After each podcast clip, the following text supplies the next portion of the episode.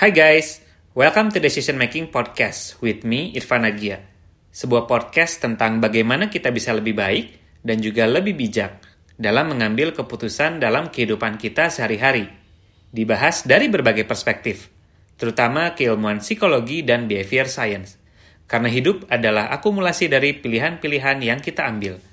Summary dari setiap episode di podcast ini akan selalu gue share di fitur Insta Stories – jadi nanti bisa cek aja di Instagram at irfan underscore agia.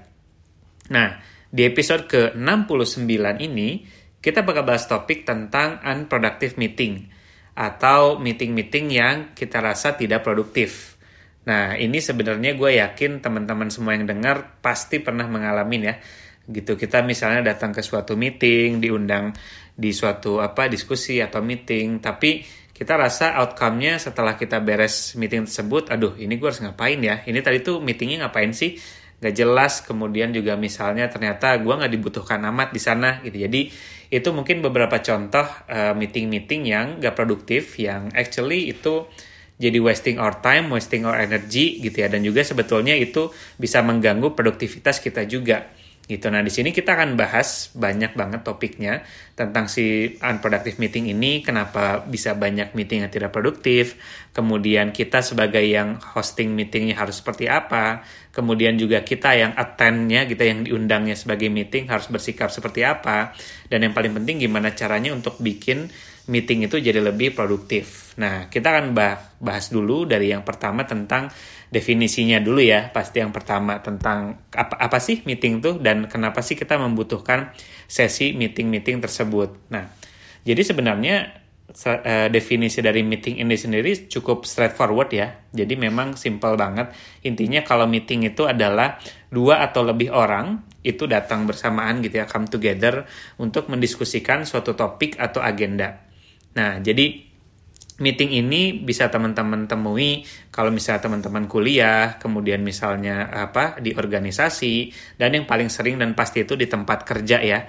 Gitu. Jadi sebetulnya meeting ini punya banyak benefitnya pada dasarnya. Jadi misalnya kita bisa enabling collaboration, kita juga jadi bisa apa?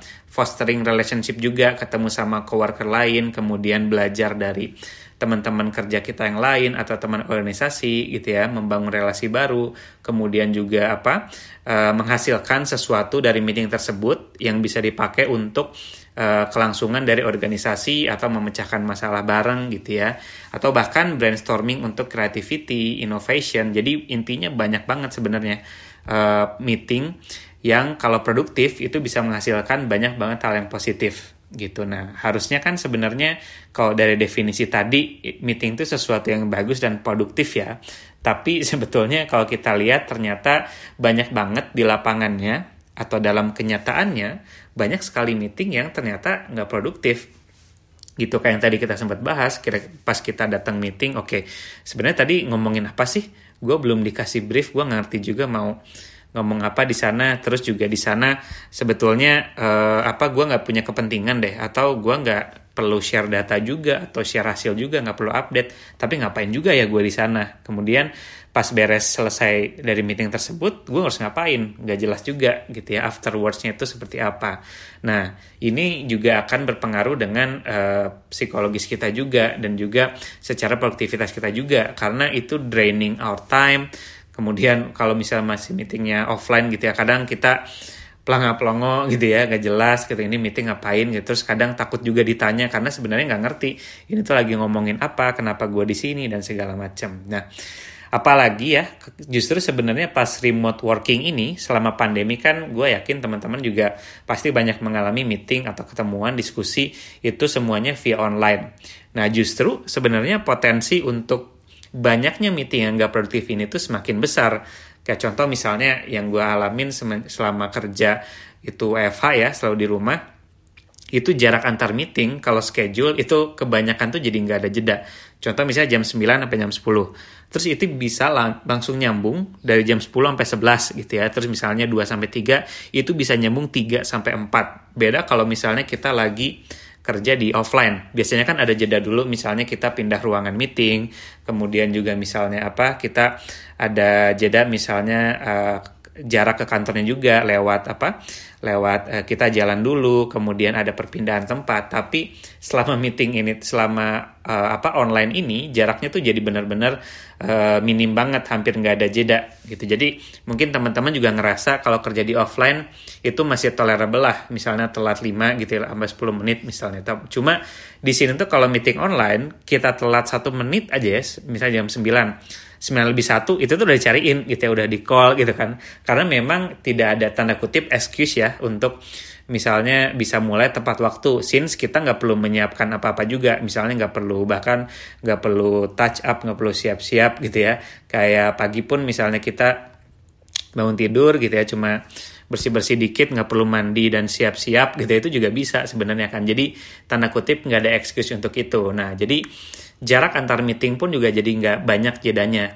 Nah yang kedua itu dari segi kapasitas juga sebenarnya ya. Jadi online meeting itu kan nggak kayak ruang offline ya yang ada batasnya. Misalnya kalau kita kerja di kantor atau di cafe itu ada ruangan-ruangan yang cuma muat misalnya 10 sampai 15 orang lah maksimalnya. Nah, cuma kalau di online itu kan sebenarnya tanda kutip cuma bisa uh, ada batasnya tetap tapi benar-benar uh, banyak ya. Kita bisa host meeting bisa sampai 50 orang gitu ya 30 40 uh, which sebenarnya orang yang organize meeting itu tuh nggak akan ngerasa ada problem ya untuk misalnya tanda kutip menyeret orang-orang yang sebenarnya mungkin nggak ada kepentingannya untuk bersuara untuk mereka invite. Karena dari segi apa ruangannya pun nggak ada size-nya juga sebenarnya Nah, jadi intinya adalah we've all been there gitu ya. Pasti gue yakin teman-teman juga pernah di situasi meeting-meeting yang gak produktif gitu. Dan unproductive meeting ini sebenarnya udah jadi tanda kutip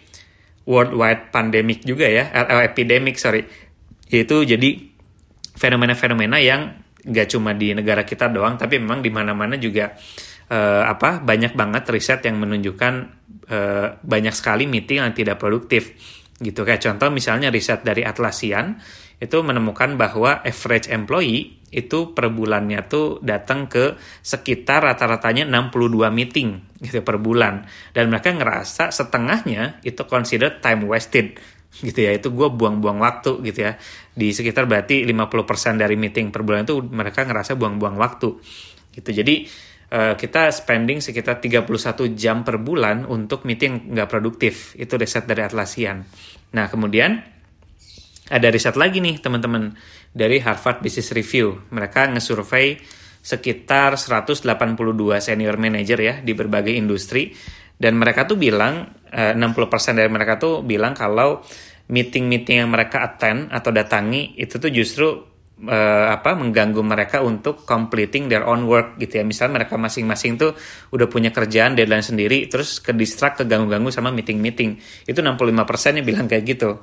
Terus mereka ngerasa 71%-nya meetingnya itu tidak produktif gitu ya. Terus 64% ngerasa meeting itu exhausting bagi mereka karena perlu banyak deep thinking, brainstorming yang sebetulnya ternyata nggak leading to better outcome gitu. Jadi banyak banget riset yang udah nunjukin bahwa meeting itu sebetulnya mayoritas itu nggak produktif sebenarnya. Nah, kenapa sih? Karena meeting ini menjadi sangat berharga karena uh, melibatkan waktu ya, teman-teman. Meeting itu adalah ketika kita attending meeting, kita sacrificing our time gitu ya. Kita harus make sure bahwa waktu yang kita luangkan, energi yang kita luangkan itu tuh harus worth it gitu. Karena bakal ngaruh ke uh, flow dari produktivitas kita juga karena time is a zero sum game gitu kalau di meeting ini. Jadi setiap menitnya kita spending di wasteful meetings itu akan menghilangkan uh, menit-menit kita untuk solo working yang justru itu esensial juga buat ngerjain our own deadline atau misalnya space untuk kita punya creativity gitu ya. Jadi banyak banget konsekuensi jeleknya seperti itu. Nah, selain itu, unproductive meeting juga bisa ngaruh ke kebahagiaan kita juga atau happiness at work kita. Jadi ada studi nih teman-teman dari Stephen Rochelberg itu dari University of North Carolina itu nunjukin bahwa unproductive meeting ini bakal ngaruh ke dissatisfaction dari employee terhadap pekerjaan mereka, kemudian hubungan mereka dengan bos mereka atau manajer mereka sampai hubungan dengan kolega mereka ya karena meeting yang tidak produktif ini. Kemudian juga bisa bikin kita jadi low motivation untuk bekerja ya, seperti itu. Jadi intinya unproductive meeting ini nggak bagus untuk nggak cuma dari produktivitas kita aja, tapi mental health dan juga satisfaction kita ke tempat kerja kita sebetulnya. Nah, sekarang gue akan bahas apa sih yang bikin meeting itu tidak produktif dan gue akan ngasih tips ini sebenarnya untuk dua sisi ya. Yang pertama itu untuk orang-orang yang organize meetingnya nih, untuk meeting organizer sama yang kedua kalau kita sebagai yang diundangnya nih atau attendee dari suatu meeting. Nah, kita akan bahas dari uh, apa sih faktor yang bikin meeting produktif ini untuk dari sisi yang bikin uh, meetingnya ya. Nah, yang pertama, Kenapa sih meeting bisa tidak produktif? Itu biasanya karena lack of organization, which sebetulnya nggak pernah ada agenda atau objektif yang jelas gitu. Nah, jadi sering kali kan kita juga ketika datang meeting, kita nggak tahu nih kira-kira objektif dari meeting ini apa sih sebenarnya. Gue juga nggak tahu datang ke sini outcome-nya dari meeting ini untuk apa sebenarnya. Nah itu yang bisa bikin orang-orang tuh confused ketika datang atau diundang ke suatu meeting. Nah, what to do-nya apa sih? Kalau gitu kita bisa bikin list of agenda dan objektifnya dan share in advance, teman-teman. Jadi ketika kita share agenda atau list of objektif, itu kita bisa bikin orang set expectation dan juga bisa nunjukin clear direction dari meeting ini objektif dan outcome-nya apa nih sebenarnya. Nah, kita juga harus ngerti bahwa setiap meeting itu punya objektif yang berbeda-beda, teman-teman. Biasanya itu ada lima, ada lima objektif dari suatu meeting. Yang pertama itu objektifnya untuk planning. Nah, ini yang paling common sebenarnya. Ketika meeting itu digunakan untuk planning atau merencanakan atau mempersiapkan sesuatu, baik itu event baru atau strategi baru gitu ya. Yang kedua untuk problem solving. Nah, ini biasanya di, di schedule atau direncanakan untuk solving problem yang sudah kita tahu nih. Misalnya gimana caranya nih? Ternyata user kita itu turun semua nih di bulan uh, di tiga bulan belakang ini gitu ya. Jadi si problemnya udah jelas terus kita coba solve dengan mengundang orang-orang yang relevan. Nah kata kuncinya ini ya orang-orang yang relevan untuk solving this problem atau tackling this problem bareng-bareng sebenarnya nah yang ketiga itu objektifnya adalah untuk brainstorming Nah, ini lebih loose lagi sebetulnya dibandingkan problem solving. Karena biasanya kalau problem solving itu udah clear ya. Udah tahu problem apa yang mau di-solve. Tapi biasanya kalau brainstorming itu belum clear juga tuh. Misalnya kita mau ngebahas apa gitu ya. Terus juga misalnya apa outcome-nya itu simply kita ngundang beberapa orang gitu ya yang relevan juga untuk uh, put in their ideas yang bisa kita pakai untuk ideation uh, kebutuhan untuk planning atau juga misalnya untuk uh, revisi atau creative thinking untuk organisasi kita seperti itu. Nah, yang keempat, objektif dari meeting biasanya untuk decision making. Nah, jadi untuk meeting dengan objektif decision making mayoritas ini biasanya happens in boardroom gitu ya atau biasanya ada isinya manajer semua atau bahkan board of director. Itu harus ada keputusan yang diambil untuk uh, kelangsungan dari bisnis atau organisasi tersebut. Harus ada action plan-nya apa. Seperti itu. Dan yang terakhir, yang kelima, meeting itu biasa juga untuk building moral. Misalnya untuk uh, teman-teman yang baru onboarding gitu ya atau misalnya untuk apa? bisa lebih kenal satu sama lain buat teman-teman yang baru atau misalnya bonding juga. Jadi nggak melulu meeting itu untuk suatu hal yang bersifat uh, work uh, related gitu ya, tapi juga bisa untuk membangun chemistry atau juga relationship dengan kolega-kolega lain. Nah, biasanya nih yang keenam ada juga objektif lain yang sebetulnya masih debatable dan juga perlu kita consider. Nah, meeting biasanya ada juga yang untuk update gitu ya, cuma buat update-update doang. Nah, ini perlu banget nih teman-teman kita reconsider ketika kita mau meeting dengan objektif untuk uh, apa update. Karena sering kali kita datang di suatu meeting isinya banyak orang mereka giliran update uh, hasil dari masing-masing uh, tribe-nya atau masing-masing direktoratnya atau masing-masing timnya Nah, jadi sering kali itu banyak yang gak relevan tuh update-nya dengan kebutuhan kita. Jadi biasanya kita nunggu dulu sampai banyak orang lain tuh update, baru kita update gitu ya. Dan kadang uh, kita baru dapat gilirannya misal sejam setelahnya atau bahkan satu jam setengah setelahnya atau bahkan worst case-nya waktunya udah habis gitu ya untuk update dari tim lain sedangkan kita belum sempat update. Nah, ini bisa jadi source of uh, unproductivity yang besar banget ya karena kita jadi wasted kan time-nya di sana dengerin update dari tim yang mungkin belum relevan dengan kebutuhan kita gitu ya. Dan bahkan kita meeting di sana juga nggak jelas untuk apa belum dapat gilirannya gitu. Jadi sebetulnya ketika meeting itu objektifnya untuk updating teman-teman bisa banget reconsider untuk dibuat dalam email aja gitu. Jadi bisa aja kita masing-masing nyiapin gitu ya pointers untuk update dari tim kita divisi kita gitu ya untuk kita update atau share ke teman-teman lain via email juga seperti itu. Nah, yang kedua nih, apa yang bisa bikin meeting gak produktif itu adalah ketika kita bikin meeting gitu ya, terus ternyata selesai lebih cepat dari waktunya. Tapi kita uh, tanda kutip udah uh, mumpung masih ada nih 15 atau 20 menit lagi, kita bakal bahas topik yang lain deh gitu ya. Jadi salah satu problemnya adalah kita stretch the meeting to fit the time scheduled gitu. Jadi what to do-nya sebenarnya don't keep the meeting going beyond its intended purpose. Jadi kalau misalnya meeting kita objektifnya udah tick off, udah selesai semua lebih cepat dari waktunya, misalnya kita set sejam tapi ternyata beres 45 menit. Just end the meeting already gitu kalau memang sudah tidak ada kebutuhan lagi. Karena sebetulnya itu juga bisa jadi potensi ketika kita ngasih ruang untuk membahas topik lain itu kita bisa jadi akhirnya molor juga waktunya. Ternyata ada bahas yang lebih penting juga lainnya misalnya ya, tapi bukan pada waktunya. Itu bisa bikin molor lagi. Jadi please my advice ketika memang lebih cepat uh, meetingnya just end the meeting already karena I assure you people will thank you for giving them their time back sebenarnya. Seperti itu. Nah, yang ketiga, source of unproductivity adalah ketika ini fenomenanya namanya meeting bloat atau too many people in the meeting yang tidak relevan gitu ya. Jadi what to do please please please ini gue uh, remind selalu gitu ya. Please invite only the people who really need to be in the meeting gitu ya. Karena apa? Ada opportunity cost-nya teman-teman. Jadi ada harganya lah ketika teman-teman itu involve uh, apa ngundang orang gitu ya atau attending a meeting. Ketika kita invite someone to a meeting, kita nggak cuma asking them their time, tapi juga asking them untuk set aside kerjaan mereka yang mungkin lagi mereka kerjain gitu ya. Mereka punya deadline-nya masing-masing, lagi ngerjain individual KPI atau individual apa deadline yang mungkin harusnya bisa selesai kalau nggak ikutan meeting kita.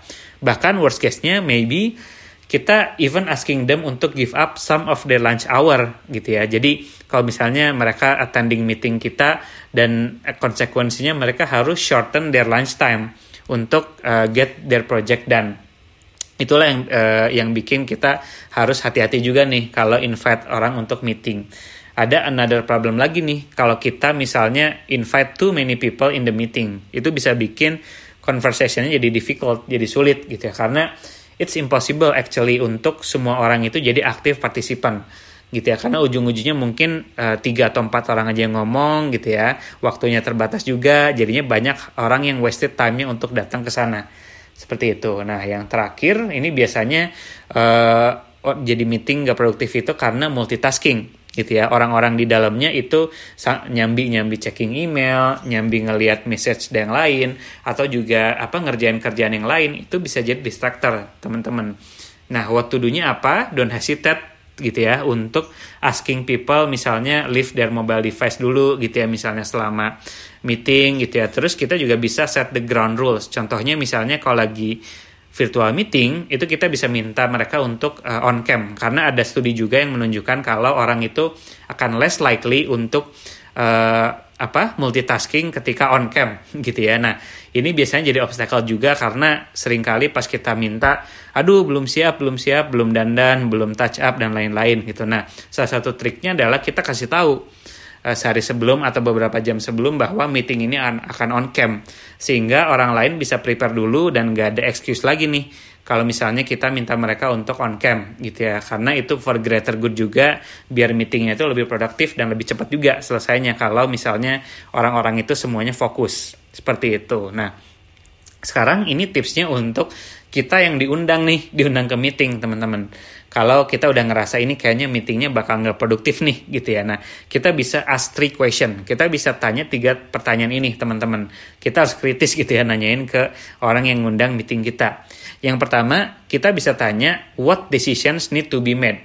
Emang meeting ini tuh harus menghasilkan apa nih outputnya, decisionnya apa sebenarnya. Jadi ini harus kita calling out gitu ya before attending any meeting gitu ya karena kalau misalnya kita cuma dapat uh, apa misalnya si uh, meetingnya itu cuma uh, judulnya discuss atau review atau update atau plan. It's not specific enough gitu ya untuk kita tahu up, uh, outcome-nya ini apa gitu. Jadi to avoid this kita bisa tanya ke mereka gitu ya. Kira-kira uh, misalnya contoh bos kita pengen yuk plan eventnya. Nah kita harus lebih clear lagi emang uh, mau plannya di bagian mana gitu ya? Apakah uh, tempatnya di mana gitu ya? Atau tanggalnya? Siapa aja yang mau kita invite? Itu akan membantu orang untuk rethinking lagi the urgency sama detailnya dari meeting tersebut gitu ya. Nah yang kedua kita bisa menanyakan who will own each decision. Ini penting banget karena sering kali meeting yang nggak produktif itu debat kusir ya nggak tahu nih abis ini siapa yang akan execute the ideasnya gitu ya. Jadi as long as no one person accountable gitu ya si debat kusir atau circular discussion ini bakal terus bergulir tanpa ada objektif yang jelas atau yaudah what to do-nya nextnya apa nih? Dan siapa yang akan melakukannya? Gitu. Jadi decision owner ini jadi penting banget untuk di define gitu ya siapa yang akan hold the apa the accountability untuk executing the outcome dan yang terakhir yang ketiga adalah kita bisa tanya juga apakah meeting ini tuh bisa contribute terhadap major goals kita? Baik itu major goals dari company dari perus dari apa uh, organisasi atau tim kita. Karena sering sekali banyak meeting yang sebetulnya nggak ngaruh ke KPI kita, nggak ngaruh ke objektif kita, di luar dari job description kita malah sebenarnya itu bisa bikin orang jadi rethinking lagi. Ini sebenarnya urgensinya apa sih bikin meeting ini? Kalau ternyata outcome-nya itu nggak berpengaruh gitu ya sama objektif dari kerjaan kita atau bahkan perusahaan kita gitu. Nah, itu mungkin yang bisa dibahas ya untuk uh, apa? dua sisi ya dari segi organizer meeting sama kalau kita sebagai attendinya. Nah, summary-nya mungkin ada beberapa hal di setiap fase meeting ya yang harus kita perhatikan. Pertama, before the meeting kita harus assess kebutuhan dari meeting ini apa, urgensinya se sebesar apa gitu ya dan kita harus uh, define juga nih agendanya apa, objektifnya apa dan please share it before the the apa the meeting uh, di dilaksanakan gitu untuk manage expectation juga orang-orang yang akan datang sama biar objektifnya clear sebelum orang itu datang ke agenda dari meeting tersebut. Sama sebelum meeting, please please please invite only the right people gitu ya. Attendance should be kept to a minimum. Harus seefektif mungkin seperti itu. Nah, yang kedua during the meeting. Nah, selama meeting kita bisa encourage yang apa? ikutan meeting untuk berkontribusi gitu ya, minta mereka untuk ask question, kemudian untuk misalnya kasih pendapat gitu ya. Terus juga uh, keep discussion fokus ya untuk kita bisa tadi bisa bikin ground rules untuk bikin meeting lebih apa? lebih efektif seperti itu. Dan yang terakhir after the meeting kita harus punya rangkumannya share the minutes of meetingnya gitu ya. Hasil dari tadi meetingnya itu rangkumannya apa kemudian kita juga harus kasih tahu nih si account uh, yang accountable akan melaksanakan next stepnya itu siapa. Jadi orang itu tahu siapa yang harus uh, di apa di reach out ketika kita mau bikin meeting selanjutnya gitu ya. Follow upnya seperti apa Nah, additional suggestionnya adalah yang pertama mungkin set a time limit ya, dan please stick to it. Dan kalau misalnya selesai tepat waktu uh, sebelum waktunya, just end it already gitu ya. Terus misalnya kita juga bisa bikin etiketnya ya, uh, ketika virtual meeting seperti apa. Dan yang terakhir, based on my observation, semua ini akan menjadi sulit ketika culture dari perusahaan atau organisasinya itu juga ternyata tidak memfasilitasi meeting yang, yang produktif gitu. Jadi uh, ini berhubungan banget sama culture ya karena ini top down culture yang harus diperhatikan gitu ya. Jadi culture is key. Ini butuh systemic change ya perubahan yang sistemik untuk bikin meeting-meeting di dalam suatu perusahaan atau organisasi itu jadi lebih efektif. Seperti itu. Nah mungkin itu ya yang bisa dibahas. Semoga bisa memberikan berbagai perspektif baru dan juga actionable apa uh, plan yang bisa teman-teman gunakan ya ketika akan holding atau attending suatu meeting. Nah, untuk episode selanjutnya, gue bakal bahas topik tentang WFA, trend atau trend working from anywhere gitu ya. Jadi karena gue believe bahwa ini akan menjadi tren yang akan menetap ya untuk beberapa perusahaan dan beberapa tempat dan I think there are some benefits yang bisa di, kita dapatkan ya untuk uh, apa policy ini dan kita akan bakal bahas banyak banget topik tentang WFA ini. So sampai jumpa teman-teman di episode ke-70. Kalau ada request atau masukan tentang feedback, topik yang mau dibahas, boleh banget email atau message gue di Instagram at irfan underscore agia. Nah, kalau teman-teman ngerasa topik-topik di podcast ini berguna atau bisa memberikan wawasan yang baru, please do share it to others. Bisa bagikan link konten podcast ini di Instagram, because sharing is caring. Thank you and see you in the next two weeks. Bye-bye.